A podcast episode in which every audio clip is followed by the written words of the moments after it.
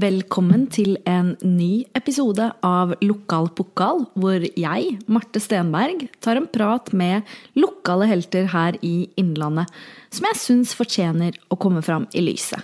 Og i dag er Monica Kørra på besøk.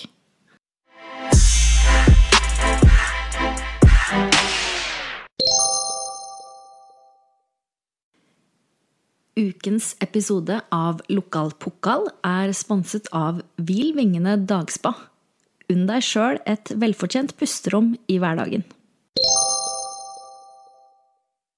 Det blir ikke alltid helt sånn som jeg har planlagt her i Lokal pokal. eh, Og sjøl om historien til Monica om det dramatiske overgrepet er vel kjent for veldig mange, så hadde jeg likevel mye spørsmål rundt temaet, som gjorde at eh, episoden ble litt lengre enn det jeg hadde tenkt.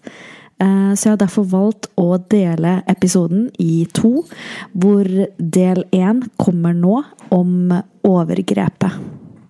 Tusen takk for at du ville komme, Monica. Eh, Du har vært trener for juniorlandslaget i langrenn, og har nylig fått jobben som eh, trener for rekruttlandslaget. Og i tillegg så har du satsa både på langrenn og friidrett sjøl, hvor du på løpebane har flere NM-medaljer i skuffen. Og prestasjonene dine ga deg også friidrettsstipend til universitet i USA, der du ble utsatt for et overgrep. Eh, og du har holdt foredrag, gjesta TV-stasjoner både i Norge og USA, og ikke minst skrevet boka 'Bryt stillheten' om din historie. Eh, Jeg har lyst til å starte med det siste. Mange kjenner nå til historien din. eh, og, du, og har hørt deg fortelle om at du ble dratt inn i en varebil eh, som 19-åring i USA, hvor det ble voldtatt av tre menn. Eh, vil du fortelle litt for eventuelle lyttere som ikke har hørt noe tidligere, om hvordan det her forløp seg? Om den hendelsen?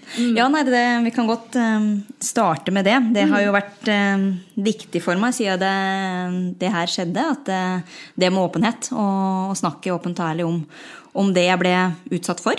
Eh, så det var jo en brutal hendelse. Eh, Jeg hadde studert i USA i ett og et halvt år, vel, når det skjedde. Jeg Levde jo et veldig godt, fint liv der, med venner, kjæreste. Altså, jeg følte du levde liksom i en bare boble av eh, lykke. Eh, Jeg levde drømmen med å kunne løpe og studere, og så hadde det veldig fint. Eh, Og at noe sånn kunne skje, det var på en måte Jeg hadde aldri streifa meg, da, at man kunne bli utsatt for noe sånn. Eh, Men eh, en kveld vi var på en studentfest eh, like før jul. Jeg husker vi, vi satt og studerte til eh, eksamen. Det var liksom siste innspurt før jul der. Og så var vi veldig slitne av å studere, og så hadde vi nå fått en innbydelse av eh, noen gutter på fotballaget tidligere på dagen om å dra på denne her festen. Og så var det tre venninner av oss som bare bråbestemte oss på kvelden, for da var vi så slitne av å studere, og klokka var vel ti-halv elleve, at eh, vi tar en liten tur. Og på tur hjem igjen derfra, vi hadde avtalt skyss, var en kompis som kom og henta oss. Og før jeg rakk å sette meg inn i den bilen, så, så ble jeg pågrepet og dratt inn i en eh, annen bil. Og det var da jeg ble utsatt for det her overgrepet da, av, eh, av tre menn. Eh, Jeg ble jo heldigvis funnet av politiet, etterlatt på gata samme natt. Fordi observerte vennene dine at du ble dratt inn i bilen? Ja, det stemmer. Vi var, vi var jo tre jenter eh, som da var på tur inn i den her bilen til kompisen vår. Eh, så de, de så jo det hele og prøvde jo å redde meg fra det. Men eh, de, hadde, ja, de hadde med seg pistol, og da, da blir man jo bare paralysert når noe sånn skjer. Så de jo var jo hjelpeløse i den situasjonen. Men eh, selvfølgelig et, et sjokk og ja, traume for oss alle. Eh, For venninnene mine som sto der hjelpeløse, og for meg som ble utsatt for overgrepet. Så Nei, det var jo en, en tøff periode, det her. Det skal jeg jo ikke legge skjul på. At det har vært noen tøffe uker og måneder og, og år ble det jo. For det, det ble jo òg rettssaker i etterkant. Ikke sant? Så det har liksom vært ma- mange ting man har vært igjennom, men eh, jeg må jo si det når man ser tilbake på det hele, at jeg, jeg har jo vært så utrolig heldig. Altså fra det at jeg slapp fra det med livet i behold, Ja. at politiet fant meg, at politiet bare dager senere fant de tre overgriperne. eh, Og at de nå sitter i fengsel. Det, klart det har gjort mye for eh, ettertida for meg. Hvor lenge liksom pågikk eh, Altså, hvor lenge var du forsvunnet, på en måte? Nei, jeg har ikke Jeg ble jo funnet Jeg vet ikke hvor mange timer det var, altså. Jeg ble funnet ja, på natta på morgenskvisten neste dag. Så det, var, det var jo Så det var en natt, liksom? Det var en natt, det var det. Det var det. Eh, Hva hvor- føltes det som? Føltes det ut som dager, eller føltes det ut som eh, Ja, det, det vet jo at jeg fikk spørsmål om når jeg kom på sjukehuset òg, liksom eh, tidsforløpet. Og det, altså for meg så føltes det jo her ut som et år, ikke sant? Ja. Du føler at det, alt går i slow motion, og du, du rekker å tenke veldig mye på de eh, minutta, timene der. Så um, selvfølgelig, det føltes ut som en, en evighet, og du greier liksom ikke å fastslå liksom et, et tidsbegrep på det når du står i det og i etterkant. For det, det Alt føles veldig Ja, hva skal man si Sterkt eh, Minnene sitter jo, eh, ikke sant? Eh, så For nå er jo det her sånn 12-13 år siden. Ja, det var i desember 2009, så det begynner å bli en del år siden. Det gjør det. Åssen er det liksom å sitte her og prate om det nå? Kjenner du det fortsatt? på en måte? Nei, jeg, jeg kan ikke si at jeg, jeg kjenner ikke på det lenger. Det er ikke sånn at jeg, liksom, jeg føler på et ubehag eller sånn når jeg snakker om det lenger. Liksom, når jeg snakker om det nå, så er, så er det nesten sånn at det, det er noe du har sett på film eller lest. Eller, jeg, jeg greier ikke å leve meg inn i det lenger. Uh, men det er vel fordi jeg har jobba så godt gjennom det. da. Så, så det vekker ingen følelser sånn sett for meg. Det, det gjør det ikke, og det er jo veldig godt å ha kommet dit. Ja, fy søren. Fordi jeg kjenner jo at jeg blir helt eh, ja, satt ut av å liksom sitte rett overfor deg nå og høre at liksom du, som jeg sitter her og snakker så nært med, har opplevd noe så ufattelig dramatisk, da. Ja, ja. Ja da, og det, det har jeg jo hørt mange ganger. Ja. Og det er jo liksom ja, folk, eh, Etter jeg ga ut boka mi, og folk har lest den, og liksom folk kommer med reaksjoner og gråter, og jeg bare Ja. Ja, men jeg, jeg har det jo ikke sånn lenger, liksom. Det, det er liksom å minne folk på, da. At Ja. eh, dette her er lenge siden, og det er noe jeg har jobba meg gjennom, da. Du må trøste andre Ja, ja, men det blir litt sånn, for det, for meg jo også kom litt overraskende på at det føles så sterkt for andre når jeg ikke er der lenger sjøl. Men eh, Så det, det er liksom Ja, nei, ja, jeg har kjent på det noen ganger. Men øh, var det sånn at de da slapp deg fri til slutt, og så fant politiet deg, eller? Ja, det, det stemmer. Eh, De dytta meg ut av eh, bilen til slutt. eh, På et sted hvor jeg var eh, ukjent. eh, Så jeg prøvde jo å søke etter hjelp i ganske lang tid. Eh, Jeg husker jo det vel, at det, det, dette her var jo i desember. Det var kaldt. Det var frost. Jeg hadde ikke klær. eh, Men prøvde jo desperat å, å finne hjelp, men var jo samtidig sjokk og veldig redd. Så jeg vet jo at jeg løp og banka på noen dører, men før folk rakk å åpne, så stakk jeg derifra, for jeg var jo livredd for at det var ja, andre som skulle gjøre det samme. ikke sant? Eh, Samme med biler som jeg prøvde å stoppe. Eh, Jeg løp unna så fort de stoppa, for jeg var livredd for at det var overgripere som kom tilbake, eller andre som kom til å gjøre det samme. Du, du får jo et helt forvridd bilde av virkeligheten ikke Ja. sant, når det sånn skjer. Selvfølgelig. Så, Men men så kom politiet til slutt, og da Ja. stolte du på at politiet var politiet, liksom? Nei, jeg gjorde ikke det. Eh, Det var først en bil som stoppa. Da vet jeg jeg løp unna. Eh, Og så kom det helikopter, så jeg så bare liksom lyset fra oven og helikopter som surra over meg. Og da, da skjønte jeg vel kanskje litt mer, eller prøvde å stole på at det her er noen som skal hjelpe meg. Mm. Men jeg vet at politiet brukte lang tid på å roe meg ned, og at jeg skulle tørre å komme nærme. Da. Jeg vet jo at jeg sa det flere ganger, at det måtte vise meg liksom et bevis på at de faktisk var politiet. Det kunne jo uniformen deres, jeg stolte ikke nok på det, liksom. Eh, Så de endte jo opp eh, til slutt å, å tilkalle en, en kvinnelig da, kollega Ja. som kom og fikk roa meg. Og det var vel da jeg liksom turte å gå nær nok til at eh, de virkelig fikk snakka med meg. da. Ikke sant? Så det tok litt tid. Ja, fy søren.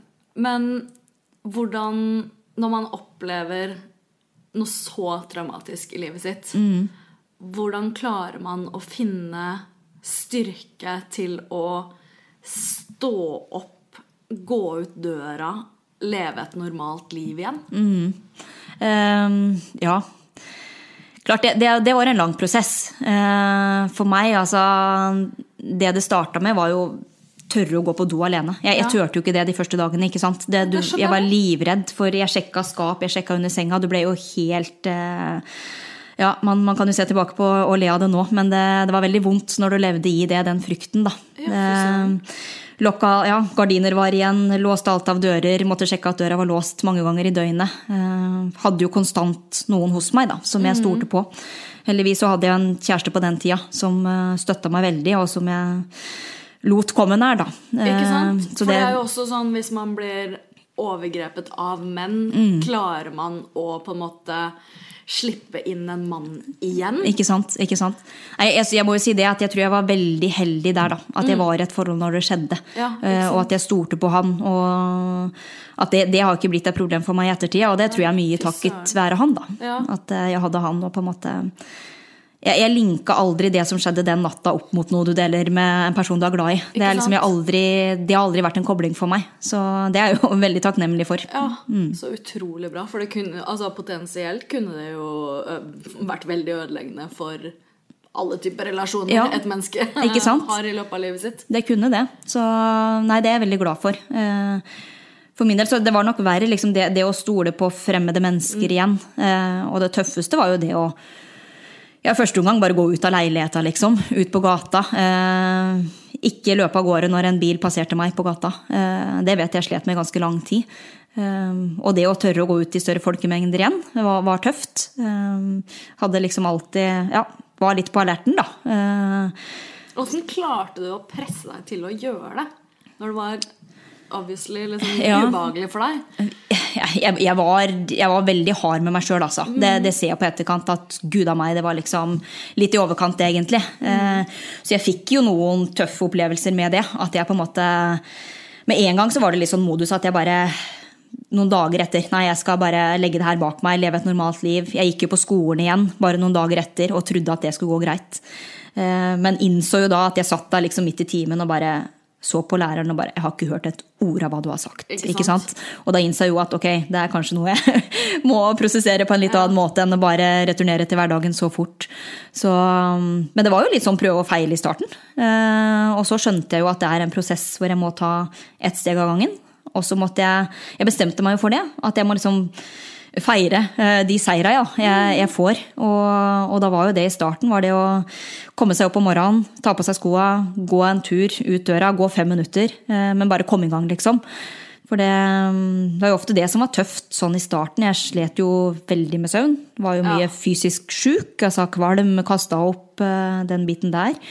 Så, mm, så liksom det å bare få starta dagen, da. Og, så der, der var jeg veldig streng med meg sjøl. Jeg hadde på vekkerklokka hver morgen. Og jeg lot Jeg tok, trykka ikke på slumre én gang. Det er jo sånn jeg gjør nå, ikke sant? Ja. Det gjorde jeg ikke da. Jeg var så streng med meg sjøl at jeg, ikke slumre. Du skal rett opp før du rekker å tenke. Før du rekker å på en måte bli bekymra og så det gjorde jeg hver dag. Og, og rett ut, på med joggesko. Og starten så var det å gå ut døra og gå fem minutter. Etter hvert så var det å jogge ti minutter og, og ta tilbake den delen av livet mitt. Mm. Det ble veldig viktig, for det, det var liksom det som holdt det gående for meg, tror jeg. Det er liksom at jeg minna meg sjøl på hva er det du brenner for, hva er det du liker. Eh, Det skal du ta tilbake, da. Så den reisen der liksom med å det fem, å legge på fem minutter på den gåturen eller joggeturen hver eneste dag ble en seier, og så, så tok du det derfra. For i den perioden her så satsa du jo også på friidrett. Mm, stemmer. Hvordan Altså Hjalp det deg videre, eller, um, eller har den prosessen og den historien gjort at du stagnerte på noe vis? Eller altså Hvordan var det oppi det hele? Ja, um, der, altså så, Som toppidrettsutøver må jeg si at jeg fikk jo et litt annet perspektiv på det. Eh, For for meg før så var liksom det å sette ny personlig rekord var alt i livet. ikke sant? Jeg levde i en boble hvor bare det var det livet mitt var. Eh, Etter det her så fikk jeg jo litt ja, mer perspektiver på livet og skjønte at herre min, livet består av mer, mer enn bare det. Eh, Men samtidig så ble det jo så utrolig viktig for meg eh, ja, det mest av alt beviset overfor meg sjøl. At jeg var den samme jenta som før. Og da var liksom det med å komme tilbake på løpebana da, og løpe like fort som jeg hadde gjort før. Det var liksom det overordna målet mitt hele veien her. Og det var nok noe av det som liksom holdt ja, den derre, jeg får si, i tøffe perioder, liksom livsgnisten min. da. At det, det var et mål jeg hadde som betød så utrolig mye for meg. At uh, det, var liksom, det var verdt å kjempe for, da. Mm. Uh, Sjøl om det var dager som var veldig mørke. Så, så, holdt det meg gående. Så det var jo et mål jeg satte meg tidlig. Og så skjønte jeg jo etter hvert at det kom til å ta litt tid. Eh, heldigvis hadde jeg gode trenere rundt meg som jeg rådførte meg med.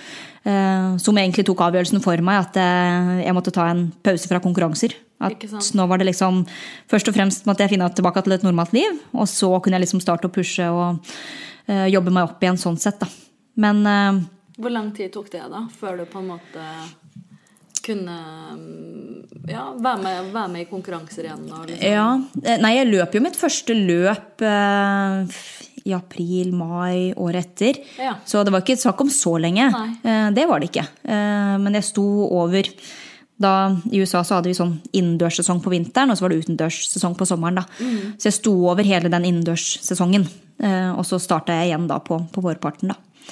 Men jeg var jo en del av laget hele veien. Var med på alt av fellesøkter. Sjøl om jeg kanskje ikke kunne kjøre like tøffe drag eller like lange drag som de andre, så, så var jeg med. Og det òg utrolig glad for at uh, treneren min var så obs på det. da. At det er så viktig at du er en del av miljøet, at du gjør det du er glad i. Uh, holder fast på det. Så um, jeg var på økt hver dag, sjøl om jeg liksom følte meg sliten, og, men da var det greit. Men er det ikke rart liksom, hvordan psyken vår preger kroppen? Ja, ja. Altså i forhold til at nettopp du ikke kunne pushe. Mm. Uh, og, og, det er jo på en måte ikke liksom en, en fysisk uh, Direkte fysisk grunn til at du ikke kunne det, på en måte. Det er Nei. jo egentlig noe psykisk som kroppen fysisk sier nei til. Ikke sant. Nei da, jeg var jo, altså, jeg var jo utsatt for sykdom og sånn. ikke sant? Du går med et høyt stressnivå i kroppen ja. over lang tid. Det, det, gjør noe med immunforsvaret ditt. Ja. Mer utsatt for skader osv. Så, videre. så det var liksom det å kjenne på den totalbelastningen og hva, hva er det jeg tåler nå. Og var det en sånn øyeåpner for deg, liksom, å få et sånt perspektiv òg på idretten, eller? Jo, det tror jeg. Det er nok noe jeg har tatt med meg i trenervirket mitt senere. da. Mm. Hvor, uh, ja, hvordan det her henger sammen, og hvor viktig det er å styre etter Det er liksom ikke bare Du skal ikke bare styre etter det fysiologiske. Det er mer som spiller inn, og det er veldig viktig hvor du, hvor du er i livet, da, at du har det bra for å kunne prestere på topp. Så det er absolutt noe jeg har tatt med meg, og som jeg er veldig opptatt av da, som trener. Mm. Så bra. Det er veldig godt å høre. Det, det syns jeg er så viktig. Um, men nå er jo det her lenge siden. Mm. Um, hvordan preger uh, den hendelsen deg i dag? Ja, det er et godt spørsmål. Uh... Har du noen sånn, du fortsatt, Kjenner du fortsatt på redsel hvis du går alene på kvelden? For ja, nei. Altså, jeg, jeg greier jo ikke å se at det preger meg på noe vis.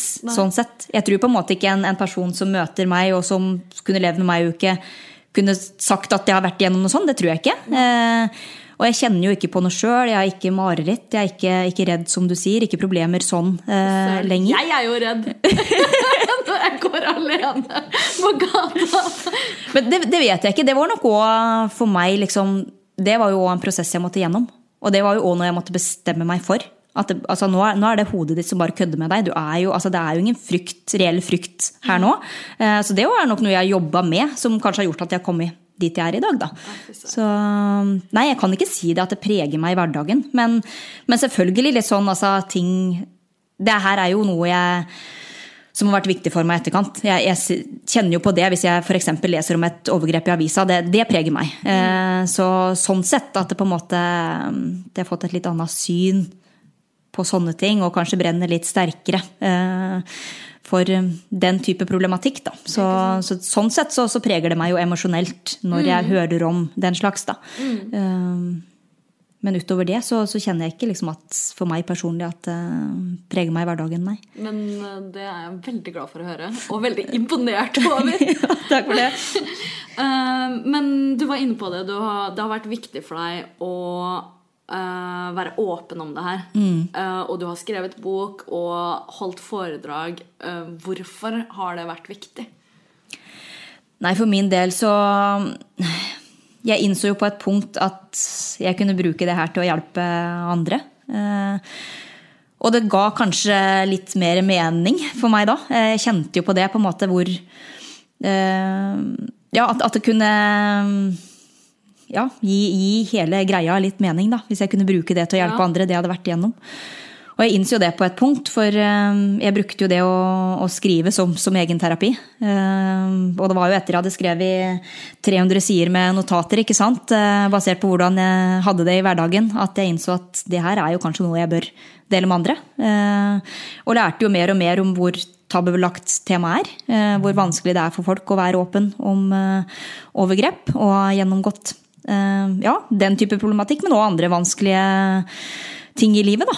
Eh, Så, så det ble liksom viktig for meg, det jo at ok, her kan kanskje jeg gå foran og, og være åpen og, og, og tørre å være eh, ja, sårbar i den eh, situasjonen jeg står i. Da. Ikke sant? Eh, og så tok jeg et valg på det, at jeg, jeg ønska å uh, gi notatene mine videre til, uh, til et bokforlag og høre liksom er, er det noe dere tror kan være nyttig for andre å lese. Og fikk jo raskt respons på det. Eh, og det med foredrag starta jo egentlig i det små. Eh, At jeg bestemte meg for at jeg ville bare dele med de nærmeste på skolen. Da. Eh, For der hadde vi et eh, arrangement som gikk på det med å motarbeide vold. Eh, Og så bestemte jeg meg for at der har jeg lyst til å stille opp. Der har jeg lyst til å dele min historie. Eh, Og så kjente jeg liksom veldig på det. Altså, jeg tror aldri jeg har vært så nervøs i mitt liv som, eh, som før det. Jeg husker jo den natta før det. Jeg lå våken og jeg gråt og styra på. For jeg bare Hva er det jeg gjør nå? Ja. Men den dagen, da, når jeg sto foran eh, denne forsamlinga og snakka, så kjente jeg bare ah, det her er noe, noe jeg må gjøre. Du, du, så liksom, ja, hvor viktig det var, og bare responsen i etterkant. Hvor mange som kom og snakka med meg, og hvor mange som har delt sine historier med meg. Så, så innså jeg jo at det her er noe jeg må gjøre. Nei, så det, det var liksom ja, bare skal jeg si, ballra litt på seg. da. Ja. Det ene førte til det andre, og så kjente jeg jo på at det her gir veldig mening. Ja. Og ga meg veldig mye. og Kanskje viktig å finne liksom Når man opplever noe så jævlig, Ja, og på en måte finne bare sånn en eller annen mening i det òg. På en måte. Bare ok, det her bra. Kom i hvert fall ut av det. Liksom, Mm, at jeg kan eh, være åpen om det, som kan hjelpe andre. Ja, jeg, jeg, tror helt, ja, jeg tror det var en viktig del av terapien for meg. da. Å på en måte komme fram til det. At, eh, og liksom repetere det for meg sjøl. I hvert fall når jeg hadde det veldig tøft. da, At det bare, men, men se hva du, du kan gjøre nå. Eh, Du kan kanskje være i en posisjon hvor du kan hjelpe veldig mange andre. da. Så det har nok vært eh, ja, veldig til hjelp for meg, det at jeg har fått lov til å, å gjøre det. Men har det vært noe bakside av medaljen ved det å være åpen og dele så mye? Ja, klart, det har det jo. Eh, og det, det var jeg nok forberedt på. Eh, jeg hadde jo veldig mange prater hjemme. Jeg gikk jo hos psykolog i en periode. Eh, og liksom diskuterte det her. Da er det Bør jeg gjøre det, bør jeg ikke gjøre det? Eh, så jeg visste jo det, eh, at det kunne være en bakside ved det. Det er jo litt med hvordan andre mennesker kanskje velger å se på deg. Eh, og det, det var jo det vi diskuterte en del hjemme. Altså, kommer det til å påvirke livet mitt i framtida? Og da sånn i forhold til jobb og den slags. ikke sant? At folk vet at du har vært gjennom noe traumatisk. Er de redd for hvordan du kommer til å opptre, eller hvordan du egentlig har det, basert på det? Så, så det var jo én frykt oppi det. Og så, og så var det jo den her biten, altså ja, du vet hvordan det er når det kommer avisartikler og intervjuer på eh, i nyhetssendinger, at det, det er alltid de som eh, kommer med slengkommentarer der, og de har det vært nok av. Eh, så det har jo vært nok av det. Altså, de har lagt skylda på meg og stilt spørsmål på hvorfor var jeg ute så sent på natta og ikke sant. Så Det er jo helt jævlig at sånne holdninger finnes. ja, det, det er det. bare. Og jeg fikk jo streng beskjed av politiet at du må ikke lese sånne kommentarfelt.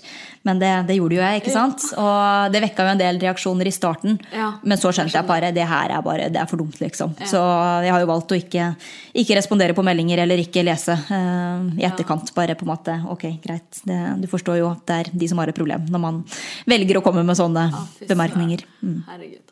Men um, ja, det var jo en periode der sånn eh, noen år i ettertid hvor du mm, kom ut med boka, du holdt en del foredrag, var på noen TV-shows. Um, følte du at du Eller var du redd for å bli bare hun der som ble voldtatt i USA? Følte du på noe som helst tidspunkt at du måtte liksom distansere deg fra historien din for å komme videre? Eller hvis du skjønner hva jeg Ja. mener? Jo, nei, ja. Nei, jeg skjønner, jeg skjønner veldig godt hva du mener, for det um, Klart, klart det har vært noe som har surra i hodet mitt. Um, Det har det. Og um, det er nok kanskje liksom når jeg ser tilbake nå på de skal si, fem siste åra, at jeg valgte å ta litt avstand fra det igjen. For det, det ble en veldig stor del av livet mitt i en periode. Ikke sant? Og, og Tok mye plass, Det, to, det tok mye plass, ikke sant? Og, um, og det påvirka meg jo liksom emosjonelt ofte når det var utholdt foredrag. Så for meg var det kjempeviktig å da bli værende i etterkant og snakke med de som trengte det. Og, sant? Du fikk veldig mange sterke historier òg. Så det ble jo ikke sånn at du var ferdig der, og så tok du ikke med deg det hjem. Jeg, jeg tok med meg mye hjem. Eh, og fikk jo veldig sånn der at jeg ville hjelpe alle. Følte aldri at det ble nok, da. Så det ble nesten tøft for meg etter hvert. det der, At eh, alle historier jeg hørte, så hadde jeg lyst til å følge opp. Jeg hadde lyst til å ha kontakt videre. Jeg hadde lyst til å gjøre mer. Ehm, og så Ja, og så, så kom jeg jo dit eh, at jeg ble trener. Eh, og det var nok kanskje da, når jeg fikk tre, trenerjobben med juniorlandslaget, at jeg skjønte at nå må jeg ta et lite steg tilbake for å ha fullt fokus på på jobb, da. For det, det tok opp ganske mye av ja, hva skal jeg si, min mentale kapasitet. Ja. eller, eh, ja. Så det var nok da jeg på en måte tok et steg tilbake, og, og jeg var vel Jeg tror jeg var veldig redd når jeg takka ja til den jobben, at, at det skulle nettopp være hun jenta som ble voldtatt, hun som holder foredrag. Eh, og at det ble viktig for meg å liksom bevise at, at jeg er mer, eller eh, nå, nå er det trener jeg er. Eh, så jeg gikk nok veldig inn i den, og slapp kanskje, kanskje tak i det litt for brått. Ja. Eh, for det har vært veldig sånn der, ja, 360 grader snu seg om for meg eh, ja, på mange vis her, da. Fra det ene til det andre. Ja. Eh, og så er jo det noe jeg har kjent på nå i senere år igjen. Ja, at det bare, ok, jeg, jeg tror på en måte at jeg må ta tilbake litt av den delen av meg. Mm. At eh, jeg må få lov til å holde noe foredrag igjen. Jeg Mm. må få lov til å ha litt fokus på det her. For det, det er jo noe som er viktig for meg. Det er en del av livshistorien min, og den kan man bare ikke legge lokk på. Så, så der jeg er i livet mitt nå, så, så ønsker jeg å ta tilbake eh, deler av det. Da. Og jeg tror at jeg er nå i stand til å balansere det på en veldig fin måte, da. Ja, ikke sant? For hvis jeg forstår deg riktig nå, da, så har det vært liksom noen år nå hvor du ikke har på en måte gjort så mye av foredrag og sånne ting. Eh, og så Ja. eh, er, det, er du der i en prosess i, i hodet ditt at du tenker at du skal ha på en måte kapasitet til å gjøre noe av det, samtidig som du er eh, langrennstrener? Ja, ikke sant. Det er, jo, det er jo det jeg nå håper på. For jeg har jo sporadisk holdt noen foredrag gjennom de senere åra. Og jeg kjenner jo på hva det gir meg, da. Eh, Det er, liksom, det er, veldig meningsfylt for meg da, å få lov til å gjøre det. Så um, jeg håper det at jeg kan få inn den biten litt, litt mer i livet mitt igjen. Mm. Ja, men det er veldig bra. Tusen takk for at du deler, Monica. Bare koselig.